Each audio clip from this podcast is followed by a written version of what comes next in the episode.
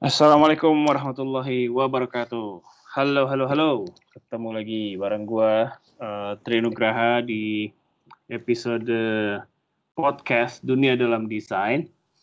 Kali ini seperti yang sudah kita brief di uh, stories Instagram Dunia dalam Desain beberapa hari lalu, kita mau bahas tentang validate. Jadi salah satu proses desain yang uh, ada di cycle proses desain. Jadi waktu itu uh, mungkin sedikit background dulu pas desain camp bikin eh sorry DDD bikin desain camp kita mengadvocate ada empat proses. Jadi yang pertama ada understand, habis itu ada ideate, yang ketiga bikin prototype, nah yang keempat validate gitu. Nah kebetulan nih uh, gue ada tamu dari dari mana ya nanti pernah sendiri aja deh. Da, namanya Anton uh, dia bakal share tentang uh, seputar topik validate. Oke, okay? langsung aja kita sapa. Halo Anton. Halo Mas Tri. Wes, gimana bro? Kabar baik? Baik baik. Selamat Halo teman dunia dalam desain. Yo yo.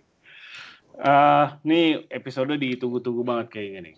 Um, jadi basically uh, seperti yang tadi gue jelasin, kita mau ngomongin uh, belajar nih dari Anton. Anton boleh uh, apa namanya jelasin sedikit mungkin uh, background karir atau sedikit uh, biografinya. Silakan. Oke. Okay. uh, halo teman-teman. Gue Anton dari Gojek. Posisi gue interaction design kurang lebih mirip UI design. Udah join dari tahun 2017 gitu. mantap. Kalau hmm?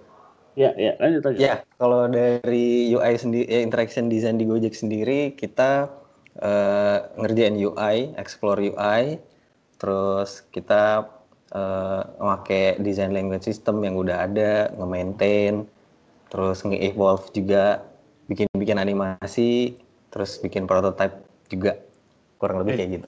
Sih, kurang lebih skopnya kayak gitu ya? Iya. Uh, karena beberapa ada yang nanya nih, oh kalau di Gojek gimana sih? Kalau di sana gimana? Skopnya uh, eh, UX sama UI sendiri tuh di, di Gojek kayak gimana sih? Kalau dari skop sendiri itu tadi sih kalau di interaction lebih banyak kerjain um, UI, hmm. jadi kita ngerjain visual lah.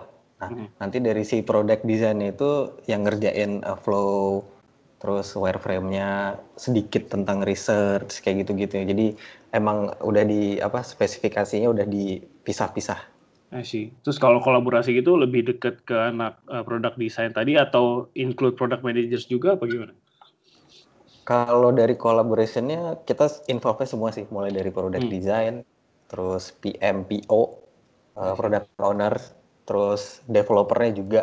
Hmm. Developernya ini mulai dari uh, front end terus uh, developernya design language system juga jadi hmm. hampir semua kita kolaborasi bareng biar inline satu sama lain sih kayak gitu. Berarti kemarin uh, yang gue datang juga tuh kemarin tuh acaranya seru banget yang apa desain sistem ya by si siapa ya Eja. Eja, iya. Itu ikut juga di dalam tim itu Aspal. Um, waktu itu gue lebih banyak uh, sedikit tentang apa? Lebih banyak uh, nge-adopt aja sih, adoption sih. Jadi kita pakai-pakai hmm. doang terus mungkin kalau ada uh, apa ya komponen atau structure yang kurang uh, benar kita report jadi lebih banyak tentang apa ya uh, editing gitu-gitu kali ya. Hmm. I see, I see. Seru, seru, seru. Good job kemarin, uh, keren acaranya bro. Yes, thank you, thank you. Oke, okay, sip. Langsung aja deh kita masuk ke topik. So, um, mungkin bisa dijelasin intronya sedikit apa sih uh, testing, apa sih validate dalam desain proses? Mm, Oke, okay. um, testing dalam desain proses. Jadi uh, menurut gua itu uh, testing itu adalah fase di mana kita uh, ngetes solusi-solusi atau ide-ide yang um, kita udah kita buat terhadap satu problem yang apa ya, yang kita pengen solve gitu. Mm-hmm. Nah dari testing tuh harapannya nanti kita bisa dapat uh, feedback-feedback um, ya nanti uh, terkait dari feedback itu biasanya kita bikin iteration sih mm-hmm. buat buat buat nge-improve se apa problem dan solusi eh, apa solution yang udah kita buat tadi. Mm. Oke, okay. terus um, uh, kenapa sih uh, testing itu harus banget ada atau mungkin karena kan banyak yang nanya nih, uh, gue uh, startup kecil nih, tim gue cuma satu orang bahkan dua orang, dua orang bahkan satu orang gitu. Uh, sepenting apa proses testing? Apakah tetap harus dilakuin atau pas di kayak udah gede aja baru dilakuin atau gimana? Ya, kalau uh, menurut gue testing tuh penting banget sih. Intinya hmm. jadi um, kita kan tujuannya untuk uh, ngevalidate gitu kan. Hmm. Terus uh, dari dari validate uh, validating yang udah kita uh, buat tadi, yang udah kita kerjain tadi itu ngebantu kita buat uh, ngedevelop solution yang udah kita propose tadi gitu ya which is itu uh, bakal works atau enggak gitu itu kan sebenarnya kan krusial banget tuh hmm. gitu dari hasil yang kita dapat dari uh, melakukan testing itu kan macam-macam hmm. either itu positif negatif atau kayak uh, minor changes atau major changes itu nanti intinya banyak banget sih feedbacknya gitu yang penting nanti uh, gimana cara kita uh, nge-incorporate dari feedback itu terhadap dari uh, apa terhadap solution yang yang nanti bakal kita buat gitu. I see. Uh, pernah gak sih lu, lu nemuin pengalaman kayak misalnya, oh gue yakin nih orang ngerti lah, eh pas lu tes zong gitu, oh ternyata, oh gila ya orang nggak ngerti ya. Pernah ada cerita gitu gak? Wah, pernah banget tuh. Itu justru mungkin kemarin yang gue pas uh, ngadain dribble meetup uh, terkait present yang gue present gitu ya, itu itu apa ya kayak nonjok banget gitu gue sebagai desainer gitu. Nah, I see, I see. Boleh cerita gak? Iya, jadi Ah, jadi kayak waktu itu kan uh, lu sempet uh, gua kayaknya kita sudah berapa kali apa nge-share tentang iya. artikel yeah. segala macam. Mm -hmm. Itu yang desain Goret yang lama ke yang baru kan. Mm -hmm. Yang uh, tadinya dari uh, apa ya form uh, input field dari uh, from to-nya itu kelihatan terus toto jadi satu doang di bawah Descartes yes. gitu kan. Yes. Nah, itu um, waktu itu tuh kalau nggak dites tuh kayaknya user kayak belah-belah gitu loh. Jadi kayak mm -hmm. gua waktu itu sempat uh, ikut testing gue bikin prototipenya terus gue cobain ke uh, gue gua gua minta user untuk coba itu mereka pada bingung kayak gue harus ngapain. I see. Gitu. Emang jadi, lo walaupun, briefnya kayak gimana briefnya? Jadi waktu itu kan uh, itu kayak apa ya dari yang perubahan dari uh, apa input field terus jadi berubah jadi kartu kan kayak experience yang benar-benar total different gitu kan. Ui. dari apa uh, desain goret yang sebelum dan sesudah gitu Nah itu tuh kayak banyak banget user yang nggak ngerti gitu. Sebenarnya kayak lo itu posisinya di mana, mau tujuannya mau ke mana, lo bisa uh, ngedrag apa gesture dragging map gitu, juga user tuh nggak ngerti gitu. Pada bingung gitu kebanyakan. Padahal timnya udah bikin fancy-fancy gitu ya. Nah iya kayak gitu. Jadi itu kayak krusial banget gitu. Kayak lu udah bikin keren banget, lu udah bikin hmm. visualnya yang clean, tapi pas lu testing tuh banyak user yang nggak ngerti gitu. I see. Oke. Okay. So that's why testing itu penting ya, Bro. Penting banget. Oke, okay, oke. Okay. Boleh, mungkin kita agak deep dive sedikit lagi uh, teknisnya nih dalam tes dalam testing. Um, biasanya nih kalau ngetes hmm. itu uh, siapa aja sih yang terlibat atau mungkin nanti kita bisa bicara lebih jauh toolsnya. Tapi mungkin sekarang siapa yang terlibat dulu deh. Terus komposisi timnya tuh seperti apa sih? Oke, berarti ini mungkin lebih relate ke internal tim kali ya. Yoi. Nah, kalau um, sebenarnya kalau yang terlibat itu menurut gue mungkin the whole uh, apa development timnya sih. Mm-hmm. Jadi mulai dari uh, yang pasti kan desainernya. Terus kemudian kalau belum ada uh, kalau belum ada product research itu udah pasti ya desainer udah pasti involved kan. Tapi mm-hmm. mungkin kalau udah apa company yang scale udah cukup gede uh, biasanya uh, testing itu dilakukan oleh uh, product research atau UX research gitu. Ikut sendiri pakai UX research ya? Iya, kita kita udah udah ada timnya sih kalau untuk yang product research sama UX research-nya. Gitu. Berapa orang biasanya? Kalau dari produk uh, biasanya saat komposisi yang pas kita lakukan testing kali ya. Mm -hmm. Itu biasanya berdua sih. Jadi kayak ada uh, satu produk research-nya atau UX research tadi itu sama biasanya desainer ikut ikutan juga sih. Mm -hmm. Kayak gitu. Terus pembagian tugasnya gimana tuh? Nah, um, jadi uh, biasanya sih kalau uh, kita ngekondaknya itu macam-macam sih. Uh, mungkin kalau misalnya dari researchnya itu biasanya uh, dia yang sebagai interviewernya, hmm. yang kayak mintanya uh, minta minta minta ke user buat uh, apa uh, make si prototipenya itu. Terus biasanya dari dari desainernya kayak uh, mencatat atau kayak ngerekam gitu sih. Mm -hmm. Mm -hmm. Oke. Terus uh, biasanya nih sebelum uh, kalian uh, touch ke si user, uh, preparationnya apa sih sebelum sebelum itu? Uh, maksud gue gimana cara lo define uh, ke siapa lo mesti tes apa gitu? Oke sebenarnya kalau dari um, approachingnya itu ada dua. Mm-hmm. Jadi ada um, guerrilla testing sama segmented. Yes. Kalau dari guerrilla testing tuh uh, biasanya kan kalau uh, kita udah bikin prototipenya, uh, terus kayak kita turun ke sekitar kantor, uh, kita nyobain uh, minta user buat uh, apa pakai prototipe. Jadi kayak lebih apa ya uh, random user gitu sih. Yoi. Gitu. Nah kalau segmented biasanya uh, kita bisa nentuin kriteria uh, usernya sih kayak misalnya uh, user dengan uh, umur sekian terus gendernya pria atau wanita, terus biasanya ya mungkin yang kuliah, kerja atau kayak gimana sih, kayak gitu. Hmm. Kalau segmented berarti mungkin lebih banyak dipanggil ke kantor atau gimana? Um, biasanya uh, entah kita pakai, uh, bi mungkin bisa kita pakai data survei juga sih. Hmm. Terus kalau misalnya untuk dipanggil ke kantor kan uh, kayaknya mungkin agak apa ya? Uh, butuh waktu banyak gitu ya yes, buat dari yes. uh, apa usernya buat datang gitu kan. Mm -hmm. Tapi biasanya kalau segmented uh, kita ngumpulin datanya based on yang uh, kita, udah kita temuin terus kita cang-cang gitu sih. I see. Oke. Okay. Terus uh, tapi uh, atau uh, nyamperin ini kan kalau Girela kan kita nyamperin langsung tuh. Tapi kalau yeah. uh, segmented biasanya uh, kalian nyamperin ke tempatnya juga atau mungkin disebar aja mungkin pakai maze gitu online apa gimana? Uh, kalau dulu kemarin kita sempat pas redesign uh, driver app itu hmm.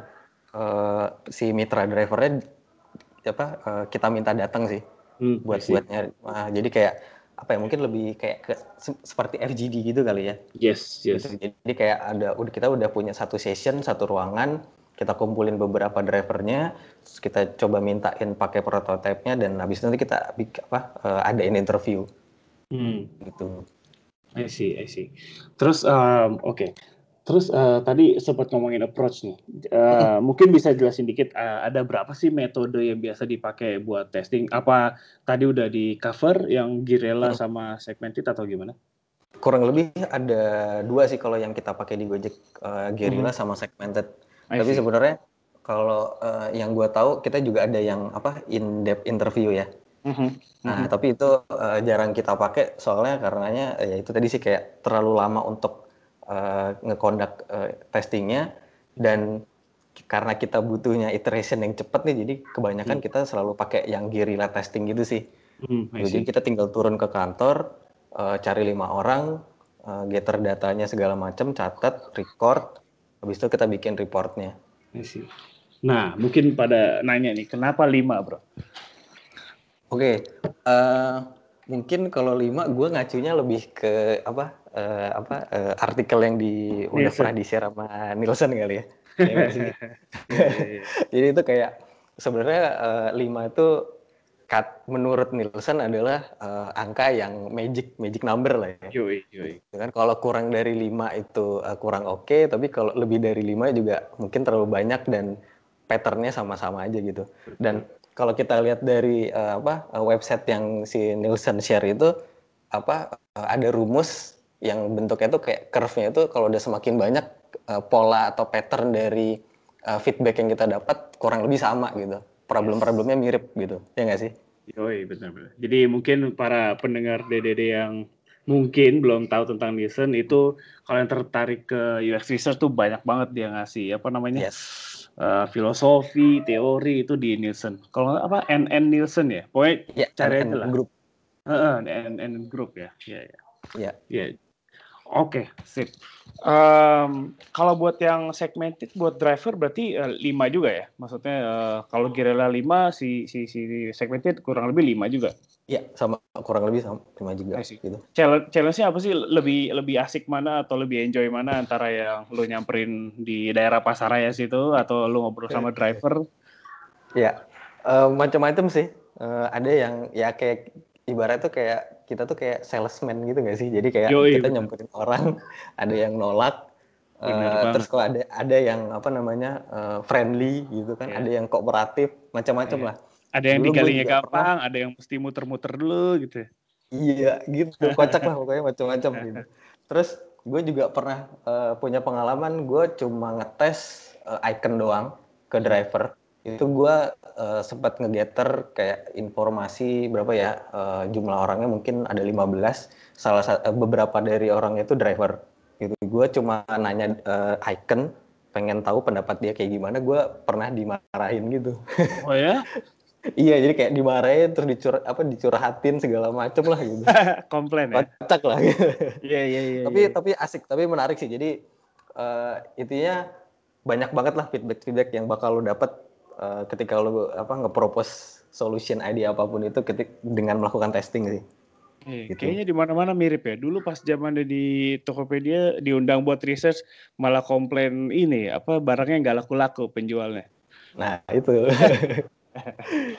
Oke oke. Terus oke okay. uh, eh, mungkin kita deep dive lebih di dikit lagi. Um, uh, bisa sharing nggak sih gimana step-step uh, apa aja yang biasa lo lo dan teman-teman pakai di Gojek as a framework buat buat testing? Mungkin ada uh, apa namanya flow-nya atau gimana? Oke, um, secara garis besar uh, dari poin atau flow-nya itu gue menentukan, eh kita biasanya ada apa ya empat empat poin sih step-stepnya. Jadi pertama kita harus tentuin dulu uh, usernya.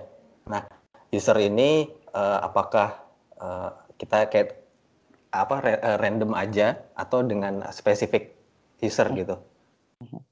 Nah, terus um, kalau spesifik uh, ya tadi sih biasanya kita pakai segmented user dengan uh, kriteria tertentu. Kapan tuh gitu. nentuin kapan random, kapan segmented? Biasanya kalau random tuh kan kita tujuannya pengen cari tahu apa kayak fast iteration gitu loh. Jadi kayak uh, jadi kayak kita pengen yang penting dalam seminggu ini kita udah ngegetter uh, feedback sekian gitu which is itu bakal lebih cepat kita kita kita lakuin. Kalau spesifik atau segmented kita kan harus nentuin dulu nih kriterianya dan cari user seperti itu kan agak sulit. Nggak semua apa ya availability-nya bakal lebih susah dicari lah ketimbang yang random. Betul. Kayak gitu. Oke. Okay. Terus yang kedua um, kita harus ngedivine goals-nya sih. Nah, jadi dari ngedivine goals itu kita pengen tahu scope dari yang kita tes itu uh, apa, hmm. terus uh, purpose-nya apa. Oke, okay. nah, caranya gimana tuh? Hmm, nah kalau dari scope tuh kan uh, kita di kayak kita pengen, contohnya kita pengen um, cari tahu misalnya uh, si icon ini uh, user ngerti apa enggak gitu. Mm-hmm. Nah dari purpose-nya mungkin nanti kayak uh, ya kita pengen karena kita pengen ngadain feature uh, relate dengan si icon itu ya nanti kita harus uh, cari tahu di situ. Gitu. I see. Jadi uh, big questionnya itu ya, misalnya contohnya uh, orang ngerti nggak sih sama icon ini gitu ya? Iya, gitu. Oke. Okay. Nah, terus kemudian yang ketiga uh, cara kita nge-measure nih. Nah, kalau dari nge-measure ini, kalau di Gojek biasanya uh, pakai tiga poin besar. Yang pertama hmm. effectiveness, terus efisiensi, dan yang ketiga satisfaction. Oke, okay, cool. Nah, apa tuh? Oke, kalau dari effectiveness tuh biasanya uh, ini yang lebih sering kita measure sih. Jadi kayak hmm. misalnya uh, user ini bisa melakukan task yang uh, udah kita propose nggak sih? Terus goalsnya apa? Tuh, nah biasanya dari dari effectiveness ini ada empat uh, apa ya empat empat empat nilai yang matrix skor nah, empat matrix yang bakal kita measure. Contohnya kayak misalnya uh, oh user langsung ngerti nih uh, ngerjain uh, task dari misalnya pengen ngebooking go ride gitu. Mm. Terus yang kedua uh, itu itu yang pertama uh, kita nyebutnya uh, seamless. Oke. Okay. Oke. Okay. Yang kedua uh, inefficient. Jadi maksudnya kalau kita mau ngebooking go ride uh, mungkin usernya bakal bolak-balik dulu kayak misalnya nggak nggak langsung bisa booking tapi mungkin dia nge-search dulu bolak nggak direct ya uh, jadi nggak direct kayak balik-balik flow-nya gitu mm -hmm. Terus yang ketiga, yang ketiga itu uh, need assistant. Biasanya kayak usernya bingung karena mau ngapain, dia terus kayak, Mbak ini harusnya kayak gimana ya gitu kok saya nggak ngerti. Nah, usernya merasa udah berhasil, tapi sebenarnya bukan itu tasnya. terus yang kedua kayak misalnya dia nggak tahu harus ngapain itu biasanya macam-macam. Terus nyerah gitu. Iya, terus nyerah kayak yang udahlah ini gue nggak ngerti harus ngapain gitu. Mas saya bingung gitu. Ada yang kayak gitu. Berarti ada direct uh, itu yang dia langsung ngerti, indirect hmm. dia menuju ke apa berhasil ke sana tapi dia bolak-balik dulu, muter-muter dulu. Yep. Terus tadi yang ketiga uh, apa need need assistant ya? Uh, ya, need kayak assistant. Apa, phone a friend gitu ya? iya, jadi kayak minta bantuan terus lah kalau iya. mau ngerjain sesuatu gitu. Terus, ya, terus yang terakhir fail. Fail, oke. Okay. Got it, got it. Oke, okay, lanjut. Gitu. Nah, terus uh, itu tadi uh, measurement pertama yang effectiveness, terus yang kedua efisiensi. Biasanya kayak uh, semakin ini kita biasanya uh, nge-measure-nya uh, based on uh, time duration-nya sih. Jadi kalau semakin cepat berarti uh, flow yang kita buat tuh semakin efisien dengan di, apa hitungannya kayak gitu. Jadi biasanya kalau sekian detik berarti menurut kita ini efisien banget, tapi kalau semakin lama biasanya user kayak ya mungkin ada apa ya uh, tujuan lain lah atau ya tadi kayak mungkin bingung kayak hmm. gitu. Berarti kalian sendiri sebelum ngetes ke orang kalian kayak timerin sendiri dulu gitu atau gimana? Nah ini mungkin nanti relate ke tool jadi kayak kita tuh uh, mungkin nanti kita jelasin nanti kayak yes, biar biar yes, lebih enak gitu. Yes. Nah, terus uh, yang terakhir satisfaction ini biasanya kita kayak uh, ya apa nanya-nanya ke user sih kayak lebih nanyain uh, apa yang dia rasain gitu. Terus kayak setelah memakai produk ini kayak gimana mungkin nge-compare dengan yang sebelumnya kayak gimana. Jadi kayak lebih banyak apa ya obrolan uh, interview.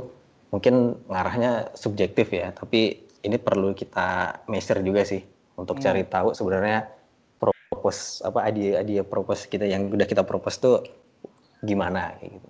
I see. Dan itu pasti buat hmm. yang ketiga ini uh, pasca dia habis ngelakuin tes itu ya?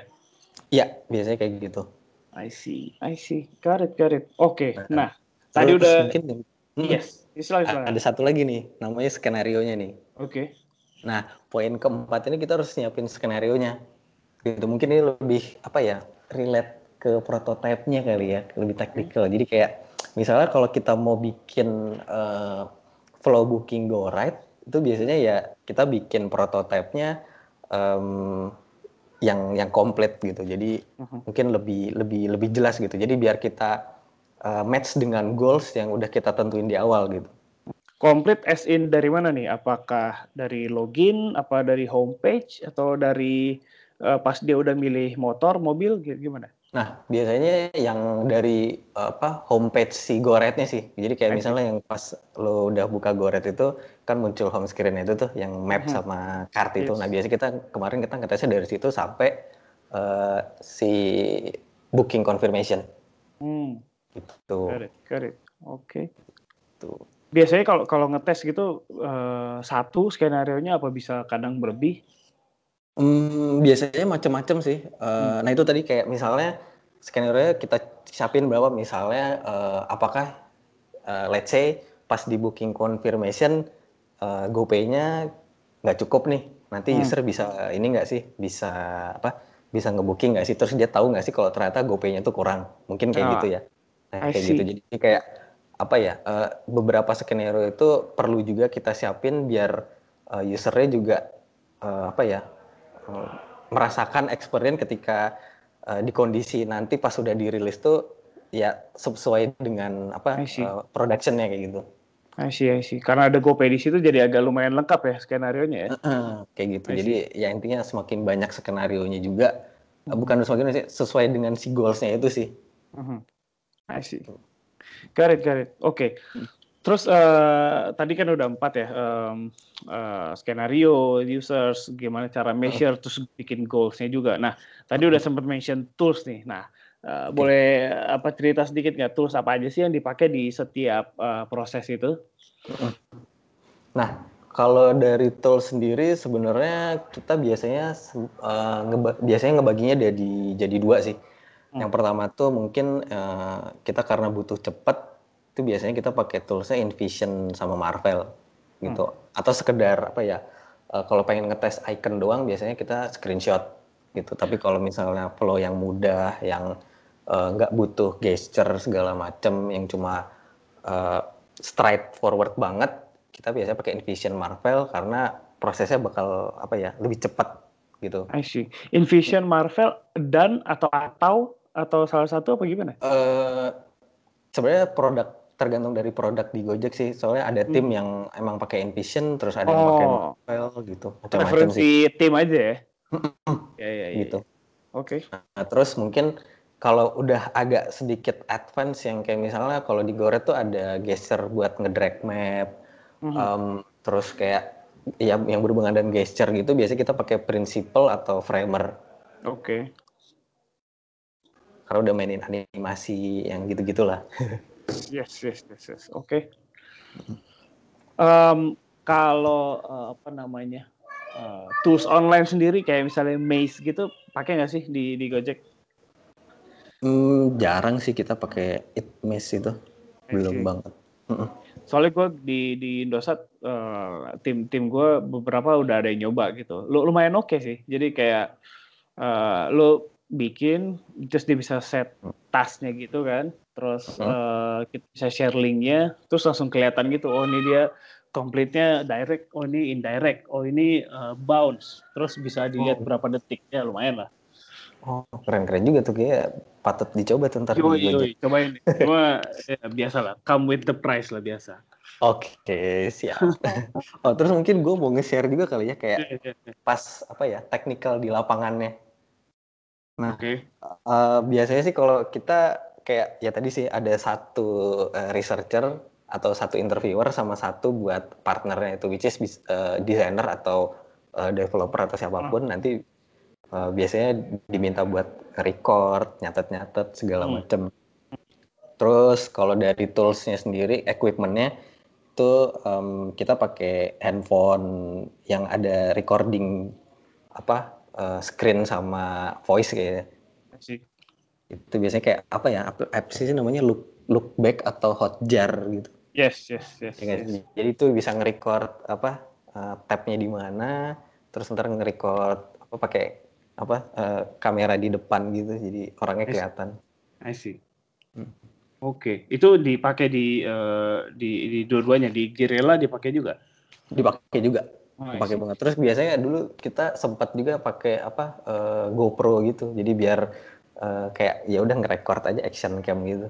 Oh, Keren, keren. Gitu. Tadi gue penasaran yang ini sih, yang hmm. apa masalah icon yang lo bilang screenshot doang. Itu gimana hmm. tuh? Lo tahu-tahu ujuk-ujuk nanya aja, Mas ini iconnya bagusan mana atau gimana? Iya sih, uh, karena waktu itu emang uh, kita ngedesign scope-nya cuma untuk uh, cari tahu sebenarnya uh, user tahu icon ini atau enggak sih. Jadi kayak ya udah kita bikin satu screenshot, uh, tapi dengan ini sih uh, beberapa alternatif. Hmm. Jadi uh, icon yang relate dengan uh, features A itu mm -hmm. dipahami oleh user apa enggak kayak gitu. Oke. Okay. Oke. Okay. Simple itu. Kadang kan suka suka ada yang ini ya uh, agak kreatif gitu ya. Mas ini warnanya jangan gini dong, ganti yang ini gitu. Nah itu yeah, gimana yeah, sih cara gitu. desainer handle itu? Biasanya uh, kayak gitu, ntar kita tes lagi sih. Jadi kayak misalnya ya kita kan kalau sebagai desainer mungkin ada feedback nggak langsung mentah-mentah kita terima ya, tapi kayak kita digest dulu kan sih. Betul. Kayak misalnya ini feedbacknya make sense atau enggak sih, terus uh, sesuai konteksnya enggak sih, mm-hmm. kayak gitu. I see. Dan mungkin bisa pakai tanya kenapa ya maksudnya. Mm-hmm, Harus gitu. Oh kenapa? Karena gini. Oh gitu. Kenapa emang? Ya, tanya lagi iya, terus. Ya, kayak eh, gue suka kuning karena ya suka aja gitu suka kan aja. Nggak sesuai gitu. Kan nggak udah mas thank you saya nyari orang lain aja deh. Iya. Gitu. Oke okay, oke. Okay. apalagi nih um, uh, selain tools mungkin ada ada another tips lagi yang apa yang praktikal? Karena kayaknya lebih apa ya lebih asik buat buat tahu yang praktikal nih yang what works di uh, Anton dan teman-teman dan apa yang nggak works. Mungkin apa ya tips and trick kali ya. yeah, Best practice yeah. yang udah pernah kita lakukan gitu ya. Yeah. Nah, uh, mungkin uh, oh ya kalau bikin prototype uh, ya ini kan related ke testing gitu ya. Itu yes. kalau bisa sih pas bikin prototype ya jangan pakai uh, placeholder atau lorem ipsum. Oke. Okay. gitu. Nah itu kan biasanya kalau uh, kita kan kalau desainer kan pas ngedesain ya udah pengen cepet doang kita terus kayak uh, bikin kopinya placeholder atau lorem, hmm. lorem ipsum atau kayak uh, ikonnya uh, warnanya abu-abu doang gitu. Semuanya bulat kotak abu-abu terus kayak nggak jelas. Nah sebenarnya tujuannya apa ngehindarin itu tuh kayak kita bikin uh, actual konteksnya gitu sih. Bener-bener kalau misalnya uh, kita bikin prototype untuk uh, booking GoRed dari uh, let's say dari Pasaraya ke Senayan ya bener-bener uh, labelnya dari Blok M terus tujuannya ke Pasaraya harganya sekian bener-bener apa ya real case banget lah gitu biar user bener-bener ngedapetin konteksnya gitu. Got it. Berarti it means uh, UX writer-nya udah terlibat juga ya di pembikinan prototipe yes, ya? betul. Jadi sebenarnya kalau udah apa uh, apa uh, kita ngedesainnya udah major banget, kalau hmm. semuanya udah jadi satu sebenarnya enak banget sih nge, apa ngegetter feedbacknya gitu. Hmm, hmm, hmm. Nah, Uh, kan berarti kan uh, ada beberapa tim yang terlibat ya. Uh, gue pengen tahu dari segi timing sih. Jadi uh, kapan sih uh, si testing ini biasa kalian alokasi waktunya gitu? Seberapa cepat atau paling lama? Berapa lama? Um, Sebenarnya ini di ranahnya UX researcher itu ya. Jadi mm -hmm. tapi biasanya kita kalau um, ngekondak yang uh, apa yang pengen cepat banget iterationnya kayak uh, dalam seminggu sampai dua minggu tuh udah kita udah uh, rilis reportnya gitu. Hmm.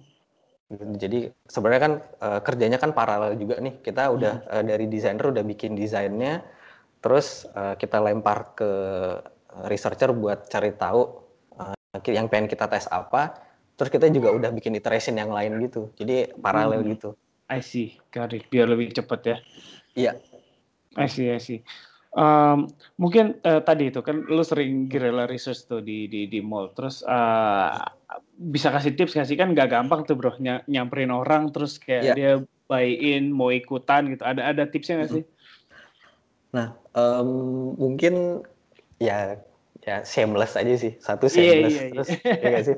Terus yang kedua apa ya? Uh, mungkin kita minta apa ask for per permission dulu. Jadi kayak misalnya uh, uh, selamat siang mas gitu. Kita dari uh, dari Gojek pengen bla bla bla gitu. Biasanya jadi kayak uh, selalu apa ya uh, minta izin dulu ini orang uh, ini user bersedia buat uh, kita ajak testing atau enggak? Gitu. Terus uh, yang paling penting sih uh, biasanya kalau kita lagi ngekondak testing uh, itu kan setelah itu kan ada sesi interview gitu. Nah diusahain biasanya kita nggak ngasih pertanyaan yang leading gitu sih I see. Nah, jadi kayak kalau kalau dicontohin tuh misalnya uh, menurut Bapak aplikasi ini mudah untuk digunakan apa enggak gitu. Itu kan ada kata-kata mudah which is yang ngarahnya leading. Betul. Ya nggak sih? Jadi kayak dan, user, dan kayaknya tujuan apa jawabannya juga bakal enggak yes and no gitu ya. Jadi iya, enggak ayah. Gitu. Uh, uh, jadi nah kan uh, kalau misalnya pengen lebih natural lagi misalnya uh, apa yang bapak rasain uh, ketika pakai aplikasi ini itu kan jadi which is lebih lebih apa ya lebih natural aja sih nanti jawabannya jadi kayak bener-bener uh, kelihatan uh, dan apa nggak bias oke okay. mantap gitu. ya, ya berguna tuh tipsnya terus uh, uh, in, in some company gue tahu ada ada insentif lah setiap kali testing gitu ya nah kalau di. Gojek sendiri uh, kapan lo kasih insentif atau nggak pernah atau gimana? Itu tergantung budget sih. Oke. Okay. ya, tapi uh, uh, apa ya? Kadang ada beberapa yang kalau misalnya tapi selalu kita propose sih kalau misalnya yang uh, misalnya yang major overhaul banget gitu yang kayak hmm. which is text time buat uh, ngekondak uh, testingnya itu mungkin sekitar setengah jam itu biasanya uh, pasti kita akan apa uh, ngepropose ke company buat uh, apa ngasih reward ke usernya sih kayak gitu. Oke oke. ada lagi mungkin tips and tricks yang bisa uh, lu share? Atau kita mau jump in ke Q&A dulu karena gue uh, beberapa hari lalu gue sempat nanya tuh di, di IG. Jadi oh, uh, boleh, ada, ada yang mau nanya-nanya nggak nih gitu? Boleh boleh. Masuk situ dulu ya. Oke sip. Boleh banget boleh banget. Uh, perlu berapa kali testing ke user?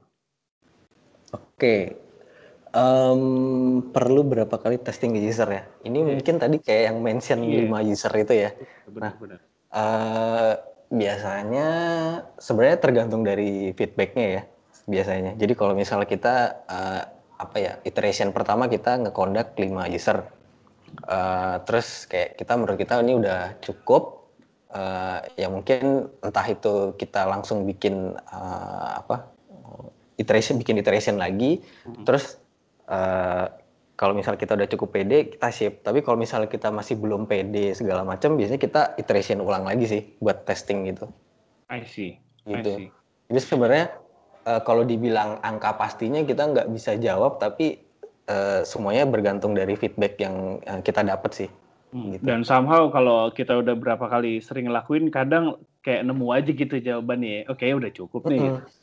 Jadi kayak ya tadi sih kayak kalau ngacu dari si apa uh, artikel Nielsen itu semakin banyak kayak problem problem yang dihadapin user, feedback segala macamnya kurang lebih ya sama. Sama, yes, yes. Yeah. yes. Oke, jadi buat yang nanya atau teman-teman yang lain yang baru tahu Nielsen, bisa googling aja kali ya uh, Nielsen. Group. Nah di situ banyak banget tuh ada artikel, even ada yang berbayarnya. Jadi kayak misalnya lo uh, bikin e-commerce nih misal, terus uh, lo mau research tentang apa ya homepage, product page-nya itu udah ada tuh lengkap berbayar, kayak super lengkap gitulah. Yes. Oke, okay. um, eh tapi gue mau nanya lagi, uh, testing itu kan tadi pas di prototype kan, and then pas abis develop itu biasanya lo ada testing lagi nggak sih? Misalnya pas uh, udah, um, udah udah ship nih, udah launch. Hmm. Oh itu pasti banget itu jadi kayak uh, mungkin berarti kayak ngevalidate-nya itu sebelum rilis dan sudah rilis gitu ya. Oke. Okay. Gitu, jadi kayak misalnya uh, dari biasanya sih kalau kita ngerilis itu kan uh, kalau misalnya nggak pede mungkin kita rilisnya dikit-dikit dulu nih mungkin okay. dari lima persen user dulu. Terus mm -hmm. misalnya kalau dari lima persen itu kita monitor nih, misalnya uh, user dari lima persen ini uh, untuk melakukan let's say booking tadi uh, itu hasilnya positif atau negatif atau kayak gimana gitu. Jadi kayak selalu ada monitornya. Nah, nanti kalau misalnya dari lima persen itu udah uh, meet ke kriteria yang udah kita pengen achieve, ntar kita naikin lagi jadi 10%, let's say gitu. Kalau kalau nggak meet berarti ya mundur lagi. I see, I see. Hmm. Itu mostly ngukurnya atau monitornya uh, pakai apa tuh? Bo boleh share nggak? Uh, uh, tools buat monitornya. Uh, uh, uh. Paling uh, kita ya sesimpel kayak misalnya kalau apakah misalnya dari lima persen ini user berhasil booking hmm. itu biasanya ya, ya pakai analytical tools yang biasa kita pakai aja sih. Kayak okay. gitu. Oke, okay, oke, okay. it, got it. Oke, okay, kita lanjut ke pertanyaan berikutnya. Um, bagaimana cara agar testing yang kita lakukan tidak bias? Nah, ini. Oke, okay, uh, eh, tadi mungkin biar nggak bias, mungkin pertanyaannya uh, jangan leading kali ya. Hmm. Itu yang pertama, yang kayak udah gue mention barusan. Tapi terus mungkin yang kedua, um, kita uh, usernya yang actual, actual okay. user. Oke, okay. jadi maksudnya actual user ini, um, let's say uh, pengguna GoRide gitu, pengguna hmm. GoRide yang uh, kalau bisa ngerelate ke misalnya ke orang kantoran, hmm. uh, terus uh, mungkin uh, mahasiswa gitu, tapi kayak ibaratnya ya kalau misalnya mau ngetes uh, ke user yang sering pakai GoRide, ya cari user yang sering pakai GoRed gitu ya. Jadi mungkin bukan yang yang dia yang nggak sering pakai GoRed gitu. Tapi mungkin hmm. ada feedbacknya juga, tapi mungkin jadi hasilnya kurang kurang apa ya? Kurang valid lah. Kurang kaya ya. Hmm. Mm -mm, gitu.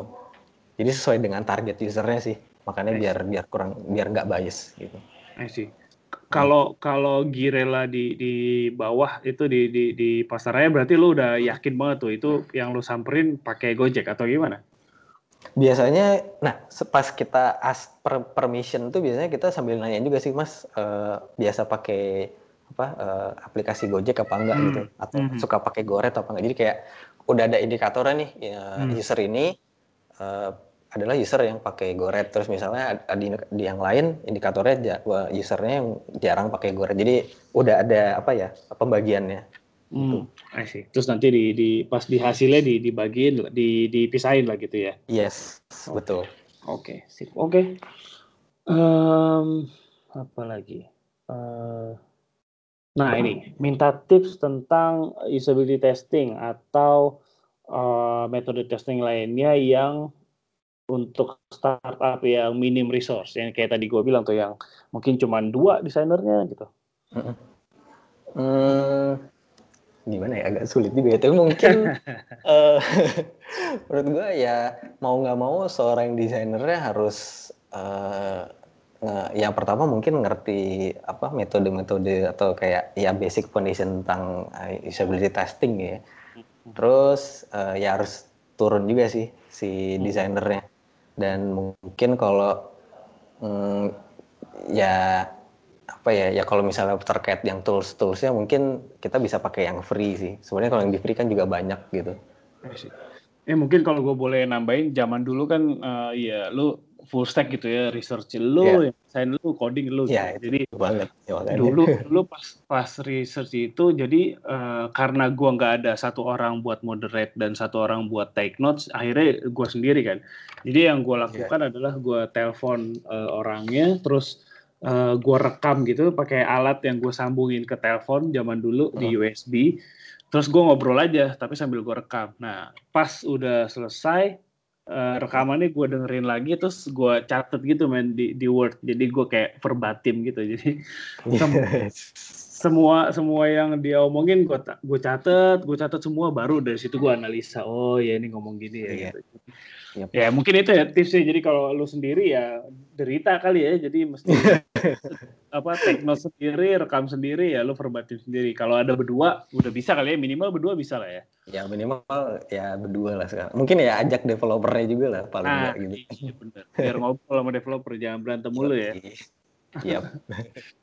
Oke, berikutnya. Um, nah, bagaimana cara menjalankan testing secara remote? Ada apa aja toolsnya? Toolsnya, wah kebetulan di Gojek belum pernah sih, tapi mungkin kurang lebih kayak yang udah pernah lo lakuin gitu sih. Jadi yeah. kayak, yeah. Uh, ya mungkin kita ngirim linknya ke oh. apa link Invision Marvel atau yang Maze oh. tadi ke usernya, terus uh, kita mintain jalan apa minta apa apa ngerjain task yang udah kita ini sih, terus paling jalanin interviewnya, gitu nggak sih?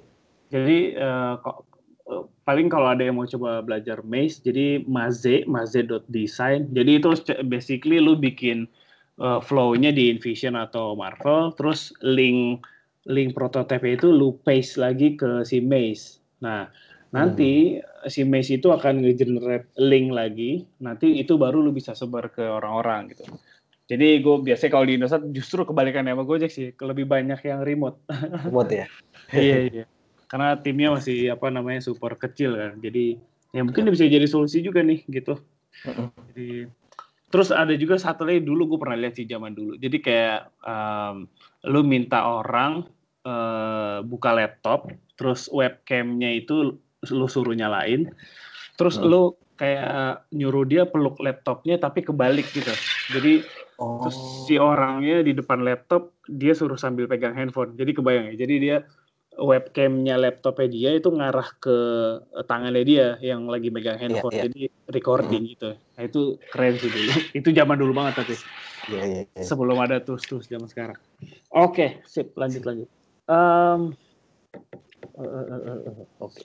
beda nggak sih usability testing sama user testing? Nah kita belum bahas user testing. User research kali maksudnya ya. User research kurang lebih kayaknya sama ya Hmm. Sama kan kita juga uh, testing testing anyway kan. mungkin kalau di Gojek pernah ini gak sih kayak user research misalnya kayak I don't know mungkin riset persona atau cari tahu tentang si drivernya kebiasaannya gimana gitu pernah gak sih? Oh itu pernah sih. Itu biasanya kalau um, mungkin sedikit, sedikit sharing juga sih kayak kemarin pas kita hmm. mau start redesign uh, aplikasi driver itu juga kita bikin research dulu sih untuk cari iya. tahu uh, kondisi uh, di lapangan tuh kayak gimana, terus uh, driver-driver tuh kayak gimana. Jadi dan beda-beda gitu kayak misalnya driver di Jakarta sama driver di luar Jakarta tuh uh, beda-beda motifnya, uh, pendidikannya juga macam-macam sih. Jadi justru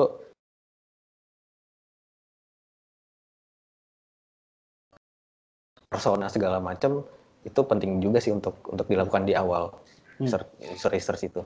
I see, I see. Iya, yeah, mungkin uh, di lain waktu kita bahas user research lebih lanjut kali ya.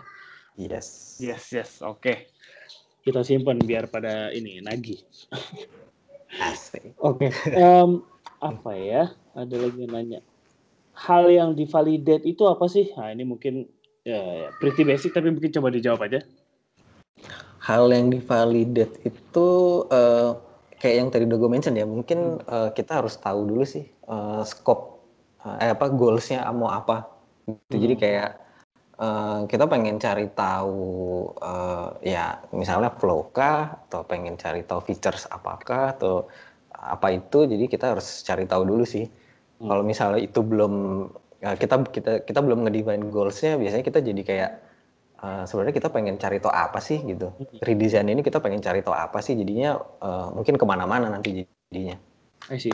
Kalau kalau dalam hubungannya misalnya sama PO atau atau PM gitu, apakah hmm. dari si PO sama PM-nya yang udah kebayang, eh gue minta tolong researchin ini dong, atau yang dari tim desainnya sendiri yang, oh kayaknya mesti di research di bagian ini nih. Nah, Uh, mungkin kalau relate ke apa redesign Goret kemarin karena kita memang uh, flow dan uh, semuanya major, jadi mungkin kita apa nge-testingnya dari segala aspek, tapi mungkin uh, yang main atau major yang harus kita testing tuh dari flow-nya kan itu uh, beda banget gitu, hmm. look and feel-nya juga beda. Jadi kayak uh, mungkin kita kemarin uh, lebih fokusnya di sana gitu. Jadi kayak uh, nge-testing yang lain-lainnya itu urusan belakangan sih. Jadi kayak gitu. I see, I see. Dan uh, gue dengar kalau di Gojek tim researchnya beda ya, maksudnya nggak nggak include di tim desain ya? Hmm, um, sebenarnya tergantung dari tim researchnya sih. Kalau di Gojek itu ada uh, beberapa apa beberapa role spesifik lagi sih. Ada yang oh. produk, ada yang market, sama oh, satu lagi apa ya? Uh, foundational atau ya kalau nggak salah. I see, I see, I see. Jadi emang udah beda sih gitu. Terus yang sering terlibat sama kalian itu yang uh, product Pro research ya? Product research, ya. Product research sama atau UX research lah. I see, I see, got it. Oke, okay, um, dari netizen pertanyaan udah habis nih bro. Jadi uh, mungkin apa ya kesimpulan dulu mungkin? Um, kesimpulan mungkin gue apa ya? Atau wejangan um, bebas? Oke. Uh, kalau dari gua mungkin um, ya kita karena uh, eh, UX designer gitu ya. Uh, kita kan uh, user advocate lah ya. Yoi. Nah, uh, sebenarnya testing ini penting banget. Ya, mungkin dari uh, apa empat framework yang udah lu mention itu semuanya uh, penting tapi uh, penutupannya ini juga cukup krusial gitu. Jadi testing ini cukup krusial ketika lo udah nge-build uh, semua yang di awal tadi uh, lu harus nge-make sure aja sih uh, dari segala yang udah lu buat itu. Terus kayak uh, nanti tuh kita pasti dapat insight gitu. Nah, insightnya itu either itu uh, positif, negatif, itu pasti nanti kita bakal uh, apa ya, bikin iterationnya lah mm-hmm. untuk untuk apa uh, nge-improve gitu. Mm-hmm. Nah, peran UX designer itu kan uh, apa ya, mungkin kalau dalam tanda kutip jembatan gitu. Jadi kayak yeah. kita tuh uh, apa ya menjadi jembatan antar uh, tiga pilar gitu uh, bisnis uh, user uh, teknologi gitu nah yes. sebenarnya kayak ya kita harus apa ya mencari win-win solution mm -hmm. uh, untuk untuk bikin apa ya bikin uh, solusi yang meet ke tiga-tiga pilar tadi gitu jadi ya Cari ya intinya sih ya. gitu nah intinya ya apa dengan melakukan testing ini ya kita bikin apa solution yang benar-benar apa ya meet ke apa semua aspeknya dah. Mm -hmm. Karena emang eh, nggak uh, tahu ya menurut gue sih pada dasarnya desainer itu egois sih. Jadi kadang hmm. kadang ah kayaknya udah udah cakep banget nih desain gue. Tapi nah, uh, makin sering lu testing lu pasti akan makin sering menemukan bahwa oh iya ya ternyata yes. yang ini nggak guna nih yang gue bikin gini nih yang nah, menurut gue keren user nggak peduli gitu. Tuh dan gak kepake juga. Oke. Okay. Yep. Oke, okay, uh, sip bro. Thank you very much buat uh, apa obrolannya seru banget. Gue belajar banyak nih. Asik. Mungkin uh, ada uh, apa? Lo mau promo misalnya lo hiring bebas, boleh juga. uh, hiring apa ya? Ya hiring, kalau ya? hiring udah pasti lah. Oke okay, oke. Okay. ya cari aja di Gojek ya cari ada sih itu kita juga hiring sebenarnya mungkin kalau tertarik boleh join gitu mungkin kalau kalau spesifik uh, misalnya hmm, UX research atau uh, buat di bagian testing ini mungkin ada spesifik skill yang lo cari mungkin Mungkin hmm. biar pada siap-siap gitu, oh gue harus belajar ini nih gitu. Kebetulan uh, mungkin kalau dari testing karena memang ranahnya kebanyakan di uh, tim UX research uh, sebenarnya uh, ya yang penting lo bisa hari ini aja sih kayak berempati aja sih ke user gitu. I see, I see. Uh. I see. Oke okay, dan mungkin uh, dia harus bisa mendokumentasikan juga nggak sih dan melaporkan ke stakeholders gitu. Oh, oh iya, kalau itu uh, itu itu jelas sih. Jadi kayak bikin recommendationnya juga hmm. mungkin ya. Si. Kayak udah, udah udah bikin testing segala macam. Oke, okay, got it. Oke, okay. thank you bro. Uh, kita sudahi dulu. Iya, iya, okay. thank you banget, thank you banget udah ngeluangin waktu nih malam-malam nih. Masih di kantor nih bro si Anton ini. gila, gila, gila, gila. Saat. Iya, yeah, no wonder lah ya aplikasinya keren. Alah. Sip. Oke, okay, Bro Anton, thank you ya. Um, thank you dunia oh, dalam bisa yes. invite gue. Yes, yes, yes. Kapan-kapan kita invite lagi. Masih kira-kira yeah, yeah. seratusan episode lagi lah ini. Wih, gokil. Insya Allah. Canggih lah. Oke, okay, sip. Thank you Anton. Bye-bye. Thank you. Thank you semuanya. Oke. Okay. Oke, okay, guys, itu dia Anton, um, interaction designer dari Gojek. So uh, mudah-mudahan lu pada bisa apa ya ngambil faedah manfaat dan hal-hal yang berguna mungkin yang bisa lu langsung terapin di uh, kerjaan lo di di company lo gitu ya.